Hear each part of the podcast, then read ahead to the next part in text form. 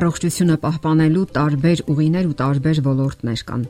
Դա բարդ համալիր է, որն իր մեջ ներառում է ֆիզիկական, հոգեկան, հոգեվոր, մտավոր, հուզական եւ այլ ոլորտներ։ Դեռևս Արիստոտելն է ասել. առողջ հոգին եւ առողջ մարմինը փոխադարձաբար կապված են։ Մեր օրերում դա հաստատում է բժշկագիտությունը, որի ուսումնասիրության ոլորտները ավելի ու ավելի են ընդարձակվում։ Այսօր հետազոտողների սևեռուն ուշադրության կենտրոնում են մարդու հոգևոր, հոգեբանական, սոցիալական եւ հուզական ոլորտները։ Պարզվել է այդ գործոնների մեծ ազդեցությունը մարդու առողջության վրա։ Իսկ հետազոտությունները բավականին հետաքրքիր արդյունքներ են տվել։ Ներկայացնենք դրանցից մի քանիսը։ Պարզվում է, որ մարդկանց օգնելը մեծապես օգտակար է առողջության համար։ Այդ օգուտներից մեկն այն է, որ մարդկանց օգնողները ավելի երկար են ապրում։ Նաև ողջվել է, որ օգնություն ստանալը այնքան էլ օգտակար չէ, ինչպես կարող է թվալ առաջին հայացքից։ Իսկ օգնության տեսակները կարող են միանգամայն տարբեր լինել։ Օրինակ, կարելի է օգնել տարեց հարևաններին, նրանց համար գնումներ կատարել, նույնիսկ սեփական գումարով։ Կարելի է ընկերոջն օգնել, տանել բժշկի, խնամել հիվանդ հարազատներին եւ այլն։ Սրանք ֆիզիկական օգնության ձևեր են։ Հուզական օգնությունը եւս օգնության կարևոր ձև է։ Շատ մարդիկ հուզական ցնցումների են ենթարկվում։ Օրինակ, պատերազմական իրավիճակներում, հատկապես երբ մարդա դաշտում հարազատներ ունեն։ Նրանք պարզապես խոսելու, պատմելու եւ կիսվելու կարիք են զգում, նաեւ ընկերակցության սատարման Ուրիշ իրավիճակներում եւս մարդիկ ցանկանում են կիսվել իրենց խնդիրներով, ներկայացնել ներքին տագնապներն ու հոգեվիճակը։ Նկատենք, որ այս դեպքերում մարդուն լսելը ավելի դժվար է, քան նրա ծանր պայուսակը մի տեղից մյուսը տանելը։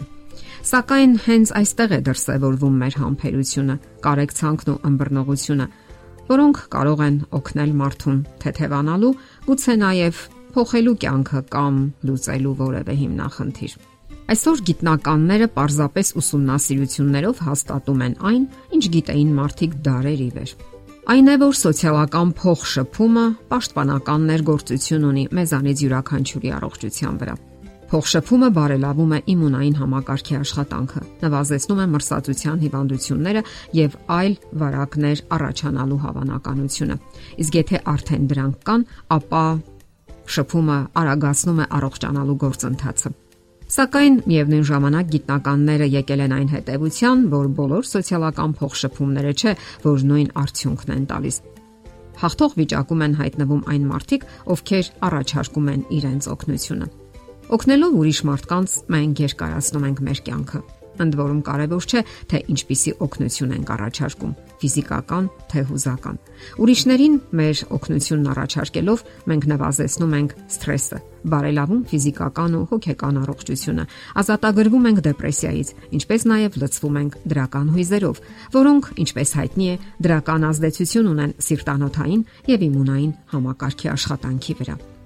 Ինչ կարելի ասել ագահության մասին։ Սա մի երևույթ է, որի մասին հասարակության մեջ ընդունված չէ խոսել։ Ոչ մի մարդ իրեն ագահ չի համարում։ Բոլորը հաճույքով նկատում են մյուսների ագահությունը, իսկ ահա իրենցը երբեք։ Եվ այնուամենայնիվ ագահությունը բազմաթիվ հիվանդությունների պատճառ է հանդիսանում։ Ուշագրավ վիճակագրություն է անցկացվել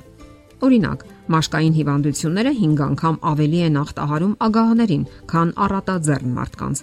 Ինսուլտը, հիպերտոնիան 3 անգամ ավելի հաճախ եւ ինֆարկտը 6 անգամ, ստամոքսի խոցը, գաստրիտը, ստամոքսաղիքային համակարգի հիվանդությունները 4 անգամ ավելի հաճախ են հանդիպում, այսպես ասած, պինդ ձեռք ունեցող մարդկանց մոտ։ Այո, որքան էլ ճուզենանք կամ նկատելու չտանք, մեր շատ խնդիրներ սկսվում են նախանձից եւ կուտակելու մոլուցքից մենք սկսում ենք նյարդայնանալ այն բանից, որ ինչ որ բան չի բավականացնում եւ սկսում ենք չարանալ։ Արդյունքում առաջանում է քնի խանգարում, անքնություն, նևրոզներ օրգանիզմը կատաղի արագությամբ ադրենալին է արտադրում եւ այստեղ արդեն գլուխ են բարձրացնում ֆիզիկական հիվանդությունները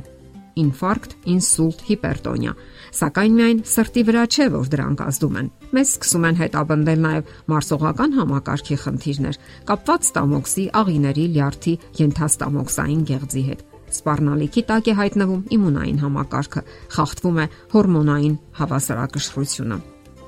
Մենք տարբեր առիթներով նշում ենք այն փաստը, որ լավատեսությունը երկարաձգում է մարդու կյանքը։ Դա ողրզել են Mayo կլինիկայի ամերիկյան գիտնականները։ Նրանք հաստատել են, որ լավատեսները ոչ միայն ավելի հետաքրքիր, տարբեր դրական իրադարձություններով լի կյանք են ապրում, այլև քիչ են հիվանդանում։ Ինչպես ողրվել է մարդու տրամադրությունից եւ շրջապատող աշխարհի հանդեպ նրա վերաբերմունքից անմիջականորեն կախված է իմունային համակարգի ընտունակությունը, որը պետք է դիմագրավի ամենատարբեր հիվանդությունների։ Իսկ Այովա նահանգի համալսարանի մասնագետները հաշվել են, որ ակտիվ հավատի արկայությունը մարդու կյանքը ավելացնում է 7 տարով։ Դրանք ողրզել են, որ նույնիսկ շփաթը մեկ անգամ եկեղեցի գնալը դրական է անդրադառնում կյանքի տևողության ու նաև որակի վրա։ Կարծում ենք, որ այս բոլոր փաստերը բավական են, որpիսի ուղումներ եւ խմբագրումներ անենք մեր կյանքում, լինենք ավելի դրական ու լավատես, առատաձեռն ու ըմբռնող, իսկ դրանից կշահի մեր կյանքի որակն ու տևողությունը։ Եթերում առողջ ապրելակերպ հաղորդաշարն է։ Ձեզ հետ է Գեղեցիկ Մարտիրոսյանը։